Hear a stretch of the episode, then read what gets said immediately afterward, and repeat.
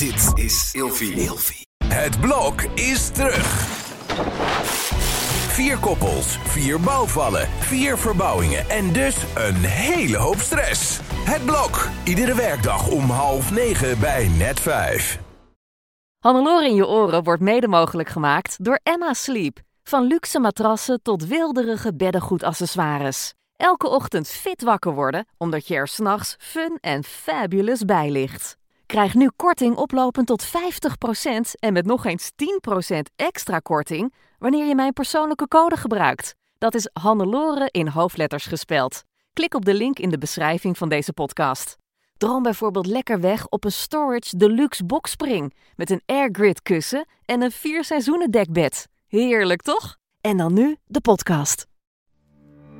Wat kan je leren van een topsporter? Noeska Fontijn over de juiste mindset. Hannelore in je oren. Fit, fun, fabulous. Hoi en welkom bij weer een nieuwe aflevering. Tof dat ik weer in je oren mag. Deze keer praat ik met Noeska Fontijn, een van mijn favoriete mededeelnemers van het tv-programma Special Forces VIPS. In de, de, vorige aflevering van deze podcast hadden we het uitgebreid over dat tv-programma. Deze keer wil ik het vooral hebben over haar leven als topsporter en wat jij en ik daarvan kunnen leren. Want ik denk dat dat vraagt om een bepaalde mindset, om bepaalde skills die je niet alleen verbrengen in de topsport, maar op heel veel verschillende gebieden van je leven. Noeska Fontijn is volgens mij eh, de bekendste vrouwelijke bokser van Nederland. Ze heeft talloze prachtige titels gewonnen op EK's, WK's en op de Olympische Spelen. Ze is net gestopt met boksen en is nu onder andere personal trainer en spreker bij evenementen en eh, bedrijven waarvoor ze ook clinics geeft. Noeska, wat ontzettend leuk dat ik jou weer eh, mag spreken. Ja. Sinds ik jou ken, is mijn uh, definitie van powervrouw voorgoed veranderd. Want jij bent echt de whole package, hè? Dat hebben we kunnen zien bij Special Forces VIPS. Was je nou altijd al zo sterk en zo weerbaar? Uh, nee, dat denk ik niet. Ik, ben, uh, ik heb een leuke jeugd gehad, maar vooral gewoon leuk en uh, heel speels. Dus altijd wel lekker bezig sporten op straat, maar alles voor de lol. En ook mijn eigen sportieve leven zag er zo uit. Dus ik heb wat atletiek gedaan en wat hockey en dingen. Maar ja, het plezier maken stond voorop. En ja, ik denk dat ik toen gewoon een vrolijke vlierenfluiter was. En wanneer kwam dat, dat moment dat je dacht, ik word bokser? Nou, toen ik 14 was, toen veranderde het een beetje. Want toen uh, ben ik eerst taekwondo gaan doen. Echt met een, uh, met een, met een vriendinnetje mee die, uh, die dat deed. En waarvan ik vroeger dacht van, oh, vechtsport een beetje op afstand houden. Want het is gevaarlijk en dat zijn agressieve mensen. Hm. maar toen ik 14 was, ging ik mee met haar. En dat was een sport waar ik helemaal verliefd op raakte. Uh, daar heb je natuurlijk ook toernooien die je wilde winnen en uh, nieuwe banden elke keer wilde. Het klinkt halen. heel blond nu, hè? Maar ja. ik hou al die vechtsporten niet ja. zo goed uit elkaar. Boksen snap ik, maar taekwondo is dat een soort uh, Japanse judo?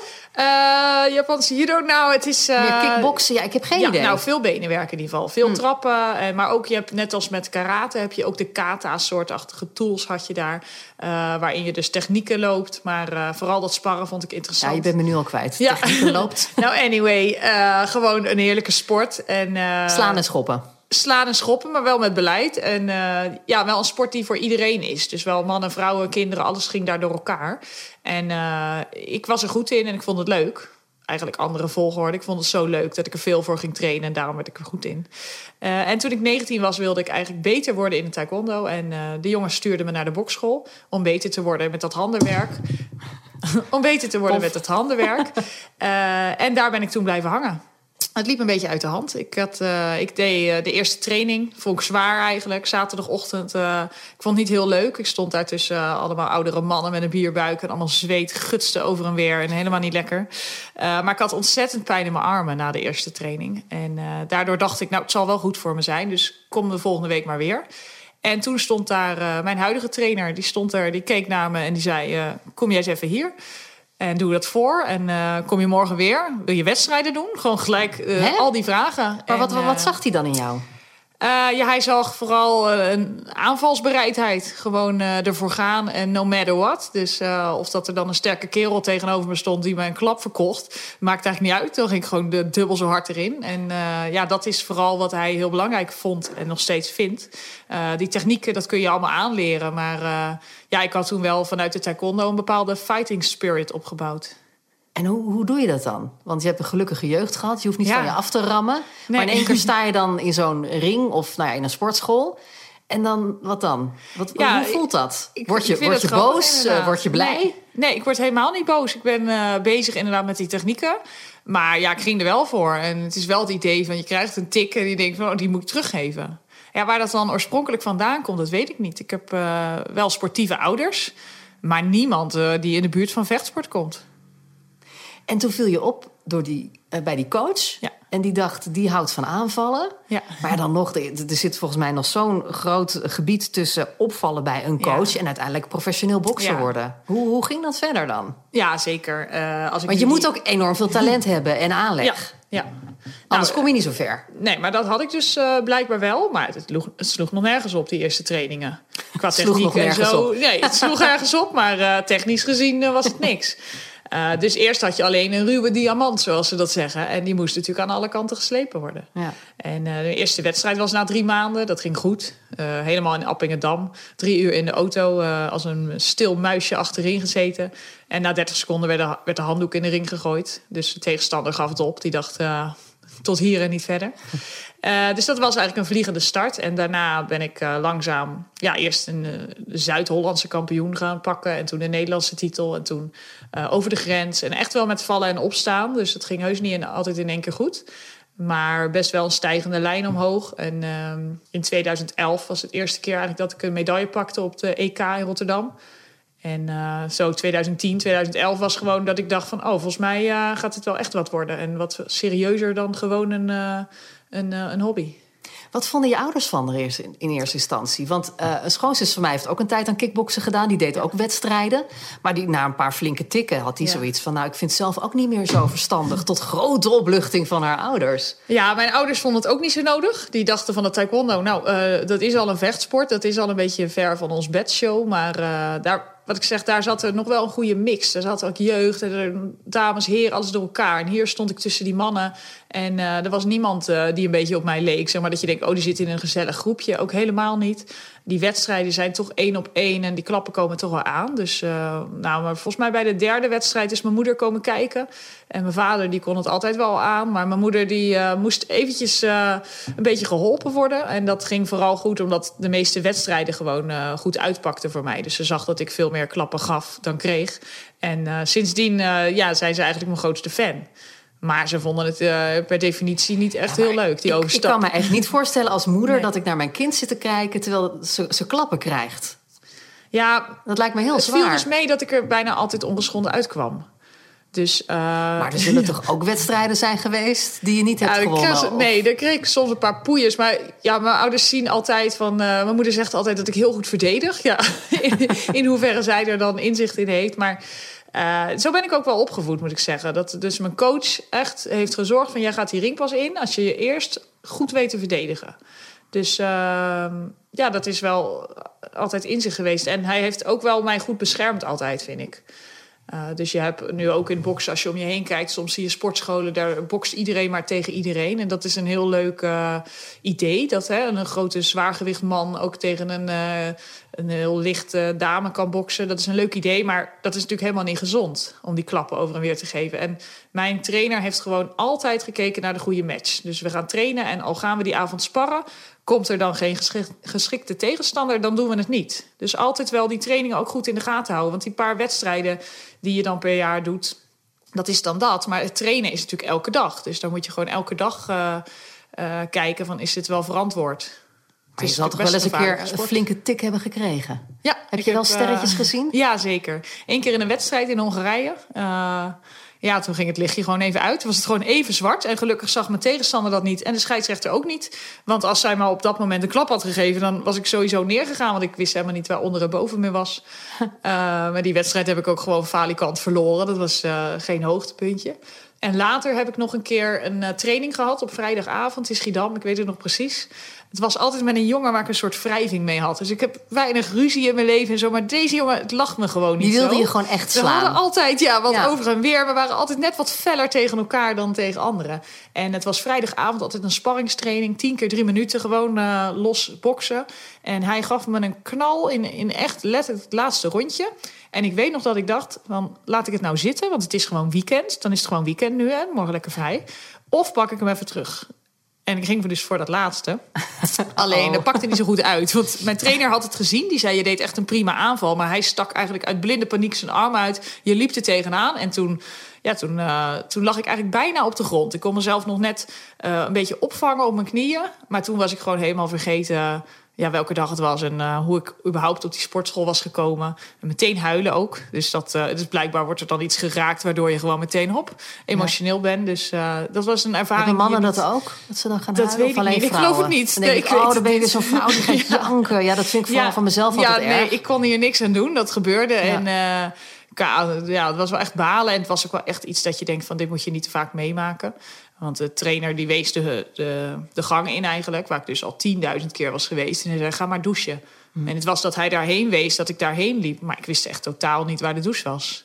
Pas toen ik voor die deur stond, dacht ik... ja, volgens mij is dit hem. Maar je bent Dan nog moet je echt wel een klap kwijt. hebben gehad, Ja, zeg. dus dat, eh, dat is echt letterlijk één keer geweest. En gelukkig ook nooit meer. Eh, want het is ook wel de bedoeling geweest dat ik altijd heb gedacht... van na die bokscarrière wil ik nog wel een normaal leven hebben. En er, is genoeg, er zijn genoeg voorbeelden van boksers die, ja, die je gewoon bijna niet meer kunt verstaan... omdat ze zo warrig praten. Dus Ja. dat is me bespaard gebleven. Ja, nou gelukkig maar. Ja. En vanaf welk moment werd je echt professioneel? Dat je alleen maar voor die sport kon gaan? Eh, nou, in 2010 had ik een mooie uitdaging. Toen eh, werd ik gevraagd door een ex-wereldkampioene uit Zweden. En zij zocht een tegenstander om een comeback te maken. En ze had mij zien boksen en die dacht van... nou, dat is wel een leuke tegenstander. En ze had natuurlijk wel gedacht van, nou, die kan ik dan wel hebben... maar dat is mooi om een comeback te maken. En ja, ik vond het super tof dat ik gevraagd werd. Dus ik ging daar gewoon met volle overtuiging in... en nooit enig idee gehad dat ik daarvan zou kunnen winnen. Uh, maar na drie rondes ging mijn arm omhoog. En uh, dat was wel een besefmoment dat je denkt van... Huh, als ik hiervan win, ja, dan ligt er misschien ook wel zoiets voor mij in het vooruitzicht. Dus, uh, en gelukkig zag de buitenwereld dat toen ook. En mocht ik naar de WK in, in Barbados notabene. Dat was een leuke bestemming. Je komt nog eens ja. ergens. en daar plaatste ik me bij de laatste acht... waardoor je een A-status krijgt bij NOC-NSF. Dus daar krijg je een soort stipendium, een vergoeding... waardoor je vanaf dat moment eigenlijk fulltime kan gaan trainen. En dat brengt natuurlijk uh, progressie met zich. Dus dan ben je officieel talentvol. Ja, Promising. ja dan hoor je erbij. Veelbelovend. ja. ja. En dan krijg je dus geld en dan kan je dus echt uh, stoppen met uh, de gewone baan. Ja. Wat deed je eigenlijk daarnaast? Nee, ik, uh, ik deed nog niks serieus. Ik was nog in studie fysiotherapie.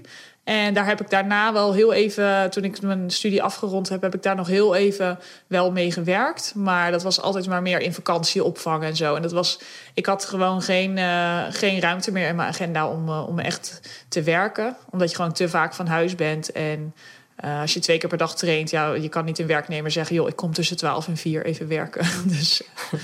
En ik snap, hè, als je topsporter bent, dan ben je elke dag aan het sporten in principe. Hè. Je zegt net al twee trainingen per dag. Maar wat komt er aan mentale kracht bij kijken? Daar ben ik nou zo benieuwd naar. Krijg je daar ook les in?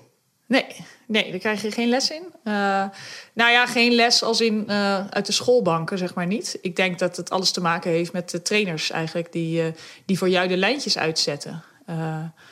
Dus ja, zij leiden je eigenlijk op. Zij zeggen je wat je moet doen, maar ook, ze leiden je eigenlijk ook in het gedrag wat ze willen zien.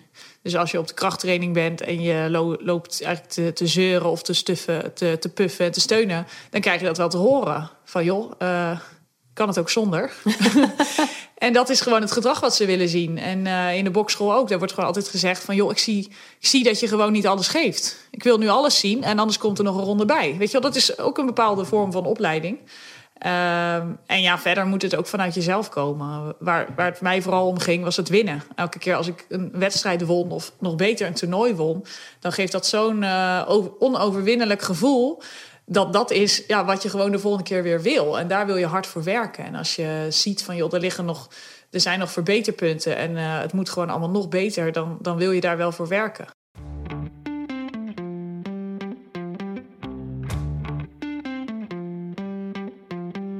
Heeft de topsport jou als mens veranderd?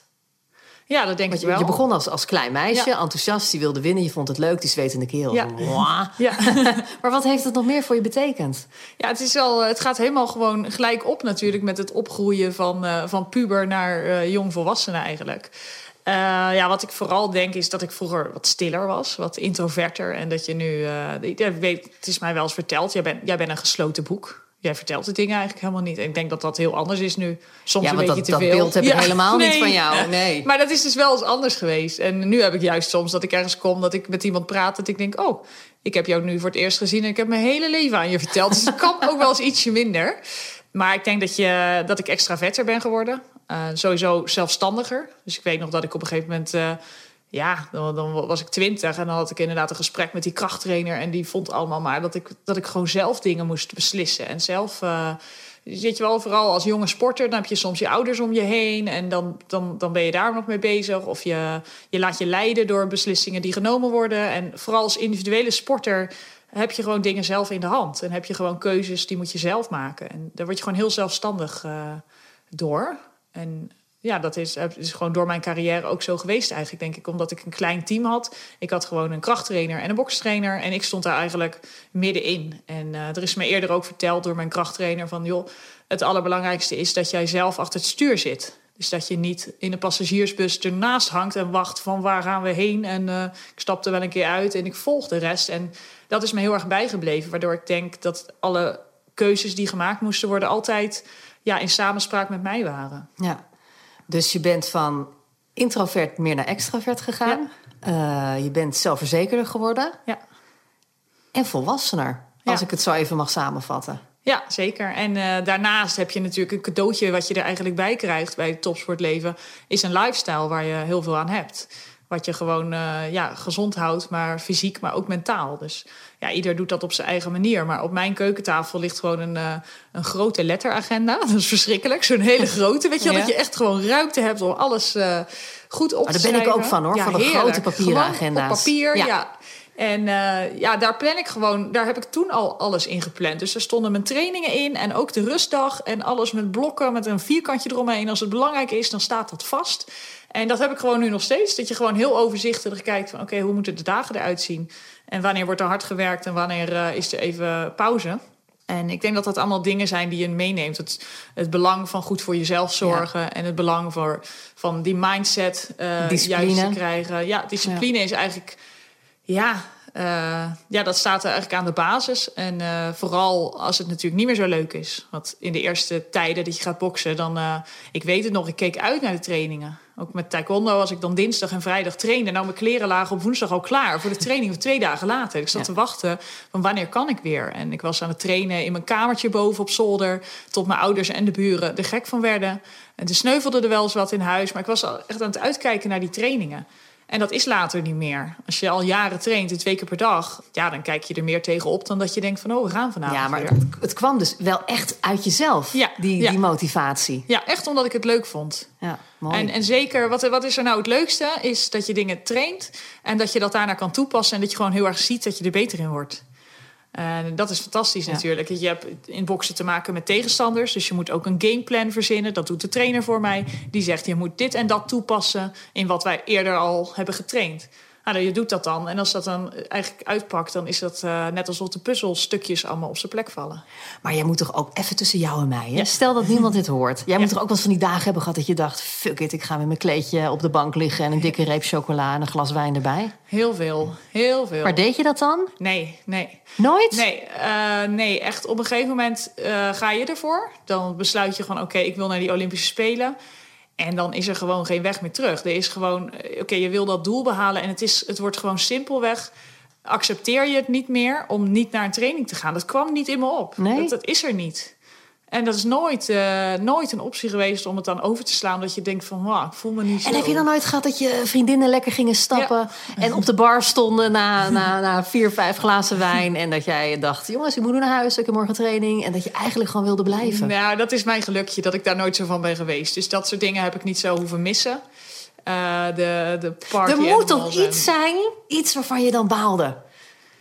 Ja, nou, ik baalde inderdaad van dat kleedje op de bank. Want dat ik niet gewoon lekker vrij kon zeggen van... oh, we gaan vanavond een zomerse dag, we gaan lekker barbecuen... of naar picknicken in een park. Zo, dat, dat zit er allemaal niet in, nee. En uh, je moet ook wel rekening houden inderdaad met... vanmorgen moet ik weer fit zijn, dus bepaalde dingen doe je niet. Maar, uh, nee, ik maar hamer daar zo op, zwaar. omdat het wel echt... weet je, natuurlijk topsport, dat, uh, dat is natuurlijk iets, iets moois... maar voor mijn gevoel moet je er ook heel veel voor laten. Dus je moet geen 100% gemotiveerd zijn, maar wel 1000% ja. gemotiveerd. Wil je dat kunnen volhouden? En ik ben zo benieuwd hoe mensen dat doen. Want weet je, ik vind dat sporten, ik vind het geweldig zolang ik een doel heb. Maar zolang ik dat niet heb, of ik heb een beetje een baaldag, ja. nou, dan is mijn motivatie echt heel ver te zoeken. En voor je het weet, lig ik onder dat kleedje. Maar dat snap ik helemaal. Maar het was dus, ik had dat doel. En dat. Uh, keeps me going. Dat je gewoon altijd dacht, ja, maar het is onacceptabel om dit over te slaan. Want mijn tegenstander, die gaat wel vanavond.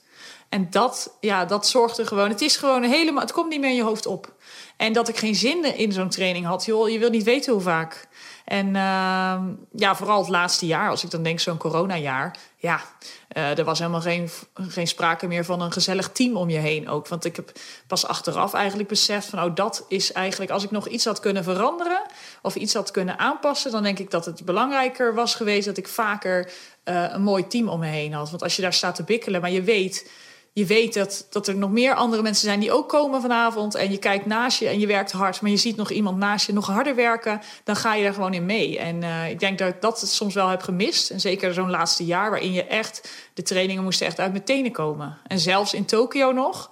Ik heb zitten aftellen. De laatste ja, trainingen. Nog drie trainingen en dan is het klaar. Dus zo, zo diep zat dat wel. En uh, ja, het is, het is nu ook heel apart om te merken dat ik nu ga sporten omdat ik er zin in heb omdat ik Want denk daar ben je wel oh, weer op dat ja, punt. Ja, zeker. Ik weet ook dat ik gewoon heel ongelukkig word als ik niet ga sporten. Dus dat helpt ook heel erg Mis mee. je dan die stofjes die je aanmaakt? Ik kan me dat voorstellen hoor, Ja, als je dat maar- jarenlang hebt gehad. Ja, jawel. Maar eh, het grappige is dat ik dus ook bijvoorbeeld van die krachttraining heb gedacht... zo, dat ga ik nooit meer doen. nooit meer zo één op één eh, naar de knoppen.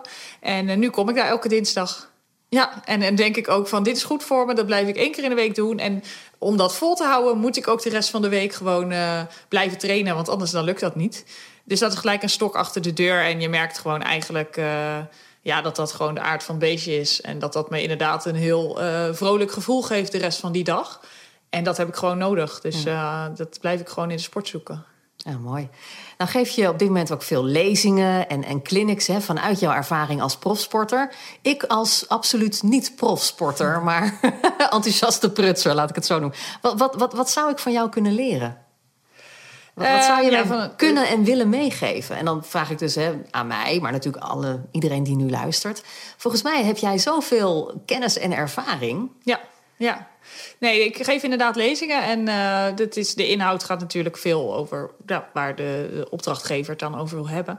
Maar wat vrijwel altijd voorop staat, is, eh, zijn een aantal levenslessen die ik gewoon mee heb genomen uit die 14 jaar. En dan begint het denk ik altijd bij de basis van het goed voor jezelf zorgen. Ja, want stel je hebt een zaal vol, vol met Hannelores. Ja, ja, Je ja. kent me nu een beetje. Ja. Waar zou jouw praatje dan ongeveer over gaan?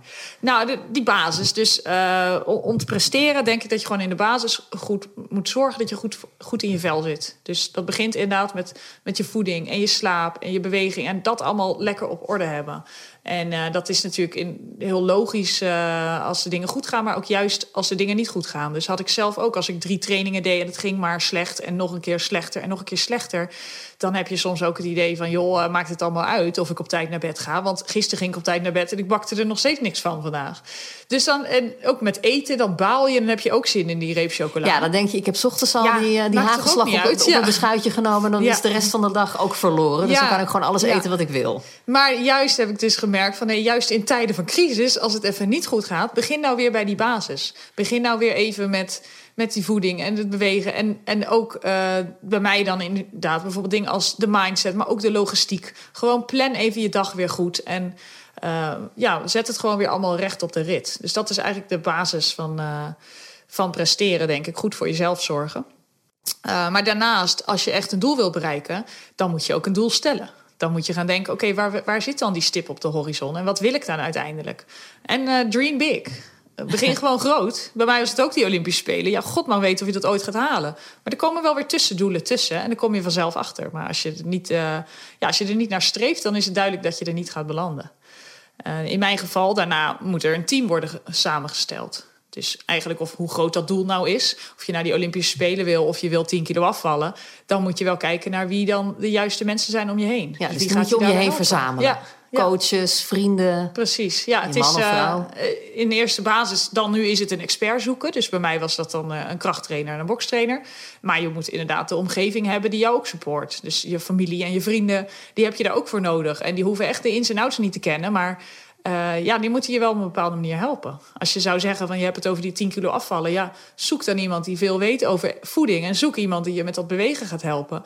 Eh, maar verzamel ook de mensen om je heen die dan niet op een verjaardag gaan zitten aandringen van. Neem nou Ah, toch dat stukje dat taart. Ja. Doe het nou. En dus ontzeg jezelf niet zoveel. Dus ja, dan moet je wel mensen hebben die daar ook een beetje eh, voor openstaan en jou daarin begrijpen. Ja. Iets waar we allebei volgens mij dol op zijn, is grenzen verleggen. Ja. ja, ja, dat is de moeite waard. Daar kan ik alleen maar zeggen dat eh, ja, voor mij, eh, als je het hebt over stofjes en adrenaline, dan zijn dat eh, dingen die komen pas als je uit je comfortzone stapt. En ehm, op, op welke manier zou je aanraden om uit je comfortzone te stappen? Kijk, we hebben allebei meegedaan aan Special Forces Ja. Vips. Dat was één, één grote fuck je comfortzone. eh, en Ja. eh, tijd is tijd en uh, voorlichtsteun en eh, hup door de blubber. En eh, laat vooral je ego thuis. Ja. Maar hoe kan je dat in het dagelijks leven doen? Nou ja, kom je toch weer snel bij beweging uit. Al heb je ook wel andere manieren. Denk aan die koude douche, die sprong in, de, in het diepe of aan de nieuwjaarsduik. Die je ook gewoon een eenmalige kick geeft. Maar uit je comfortzone met sport komen, dat, dat is een van de makkelijkste dingen. En voor de een is het natuurlijk een 100 meter sprint om de bus te halen. En de ander moet daar een ultramarathon voor rennen. Eh, maar ik denk dat het je allemaal... Ja, je weet allemaal wat voor kick dat geeft... en wat een goed gevoel het je geeft... als je zo'n zo'n doel hebt bereikt... wat eigenlijk net buiten de mogelijkheden lag. Dat- lijkt dan misschien eh, helemaal niet haalbaar in het begin... maar begin eraan en train ervoor en en just do it. En verzin ook maar eens gewoon wat geks... Dus wat ik dan, waar ik dan zelf van geniet, is bijvoorbeeld zo'n zo'n huttentocht in Oostenrijk in de zomer. Daar hebben we zomaar met vriendinnen verzonnen. Maar we gaan die bergen in en we zetten een tas in onze nek en we gaan lopen. En eh, ja, dan sta je daar toch boven op die berg toch, toch mooie dingen te beleven. En urenlang lopen op het dag. En we lopen ook te schelden daar in die berg hoor. Want we zijn we er nou nog niet. En elke dag was het weer verder dan wat wij wilden. Maar, Oh, gelukkig, eh, dus jullie waren niet alleen maar blije fit girls Nee joh, die, eh, maar, maar er blijft er wel humor in, weet je Ja. wel? Dus eh, dat is wel belangrijk, denk ik ook. De sfeer. En eh, sowieso, als je wil, wil trainen, zoek iets wat je leuk vindt, waar je plezier aan beleeft. En eh, ik denk dat dat de key is. Ja, en tot slot, Noeska, nog, nog drie vragen. Hè? Want de podcast heet Hannelore in je oren Fit, Fun en Fabulous. Dus ik wil van jou weten, wat zijn die Fit, Fun en Fabulous? Ja. Wat, wat doe jij nu concreet om fit te blijven? Nou, dat is een uitdagende vraag in een uitdagende periode. Omdat de sportscholen, as we speak, nu dicht zijn. Dus eh, ja, in coronatijd is het niet helemaal zoals je Ik normaal zie doet. heel veel mensen buiten rennen. Ja, Dat vind ja. ik echt heel tof om te zien. Ja, en niet om te doen, gok ik. Nou, heb ik wel gedaan, maar omdat ik zo van die knieënproblemen heb en hielspoor, is dat voor mij gewoon even niet handig op dit moment. Geen lekkere combi. Nee. Nee. en omdat ik ook elke dag al met de hond wandel en ik doe al heel veel. Dus ik heb besloten dat ik thuis op de crosstrainers ga. Die is nu stof aan het verzamelen as we speak.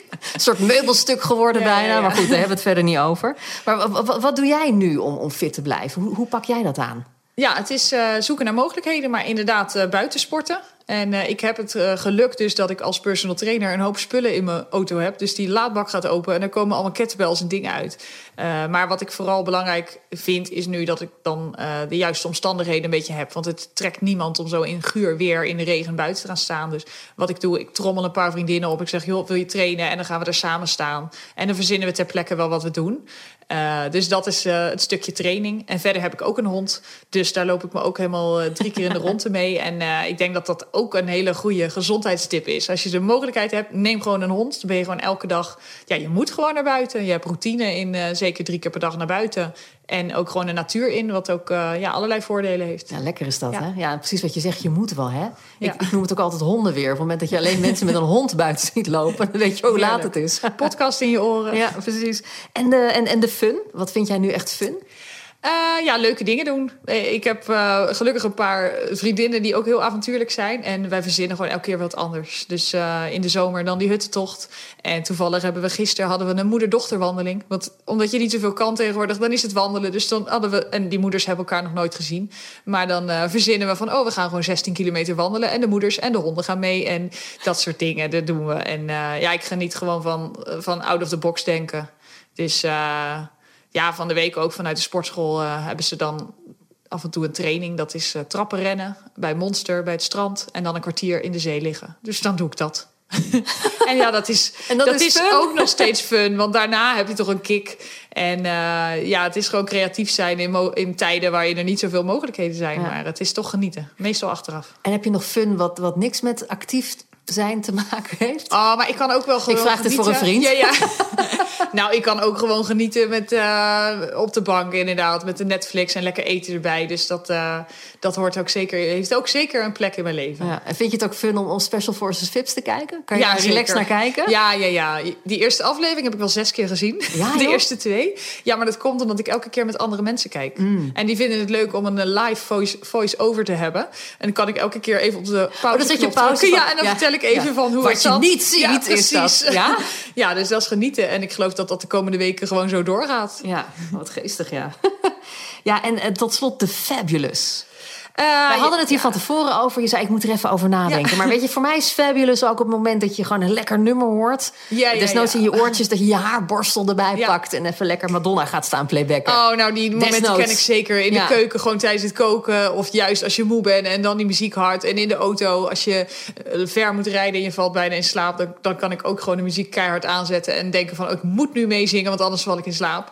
Dus dat gebeurt zeker. En eh, andere momenten dat ik me gewoon helemaal lekker voel... dat is eh, ook wel als je iets doet eh, waar je van tevoren een beetje zenuwen voor had. Dus bijvoorbeeld zo'n lezing, dat je dan denkt van... oh, dit is toch weer be- onbekend terrein... en ik moet over iets spreken waar ik niet zoveel van af weet... of ik krijg een groep voor me die ik helemaal niet ken... of het zijn er meer dan normaal en je doet het dan, weet je wel.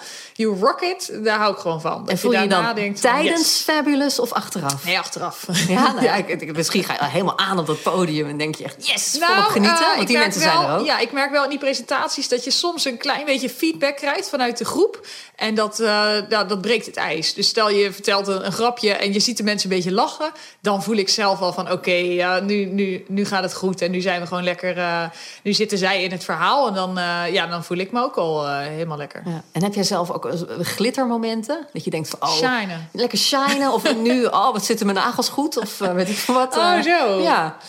Nou, Wat, wat doe jij eh, bijvoorbeeld om jezelf sexy te voelen? Oh jee. Dat heb je ook wel eens Oh nodig jee, als dit vrouw, soort vragen. Ja. Ja, nee. eh, ja, Maar lekker jij, jij, shoppen. als, jij als topsporter, ik Ja. kan me voorstellen Ja. dat jij je helemaal sexy voelt en op en top vrouwelijk op het moment dat jij daar gewoon in je, in je sportbroek Ja. staat en gewoon zo'n fan met een bierbuik even Oh, alle hoeken sowieso. van die eh, ring laat ja, zien. Ja, ja, nee, dat, dat is nog steeds genieten. Als ik wel eens een lesje meedoe. En eh, het mooiste is dan als je eigenlijk op techniek iemand helemaal kan uitklassen. Dus soms staat er inderdaad een man die veel groter is dan ik. Ja, als we samen gaan rammen, dan, eh, dan leg ik ook het loodje. maar als ik hem op techniek helemaal weet uit te klassen... Dat is, dat is een heerlijk gevoel. Dan ben ik alleen maar met mijn voorhand bezig. Dan, dan wat simpele trucjes en dan eh, leid ik hem helemaal uit het, om de tuin. tuin. Dus dat, eh, ja, dat zijn de betere momenten. Dan voel je echt fabulous. Ja, Wat goed. Dank je wel. dankjewel. Nou, leuk. Fabulous. Fabulous. Dat moet inderdaad geweldig voelen. Of dat nou een streven moet zijn, dat je zo'n kerel alle hoeken van de kamer kan laten zien, puur met techniek. Ik weet het niet. Maar met de juiste mindset kom je dus echt een heel eind op alle gebieden van je leven. Wil je nou meer weten over Noeska, dan kun je terecht op haar website noeskafontein.nl. En dat ga ik even spellen voor je. N-O-U-C-H-K-A en dan Fontein, als in zo'n spuitend ding met water.nl. Lang ei dus. Eh, en daar vind je alles over haar activiteiten als eh, spreker en als trainer. Eerder sprak ik haar trouwens al uitgebreid over het tv-programma Special Forces Vips.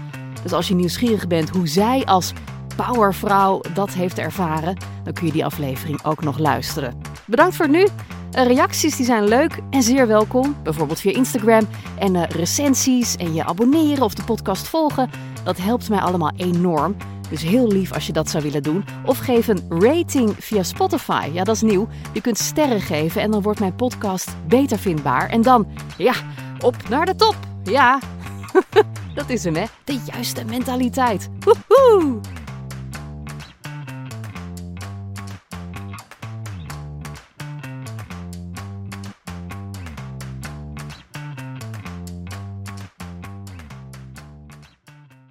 Hannelore in je oren wordt mede mogelijk gemaakt door Emma Sleep.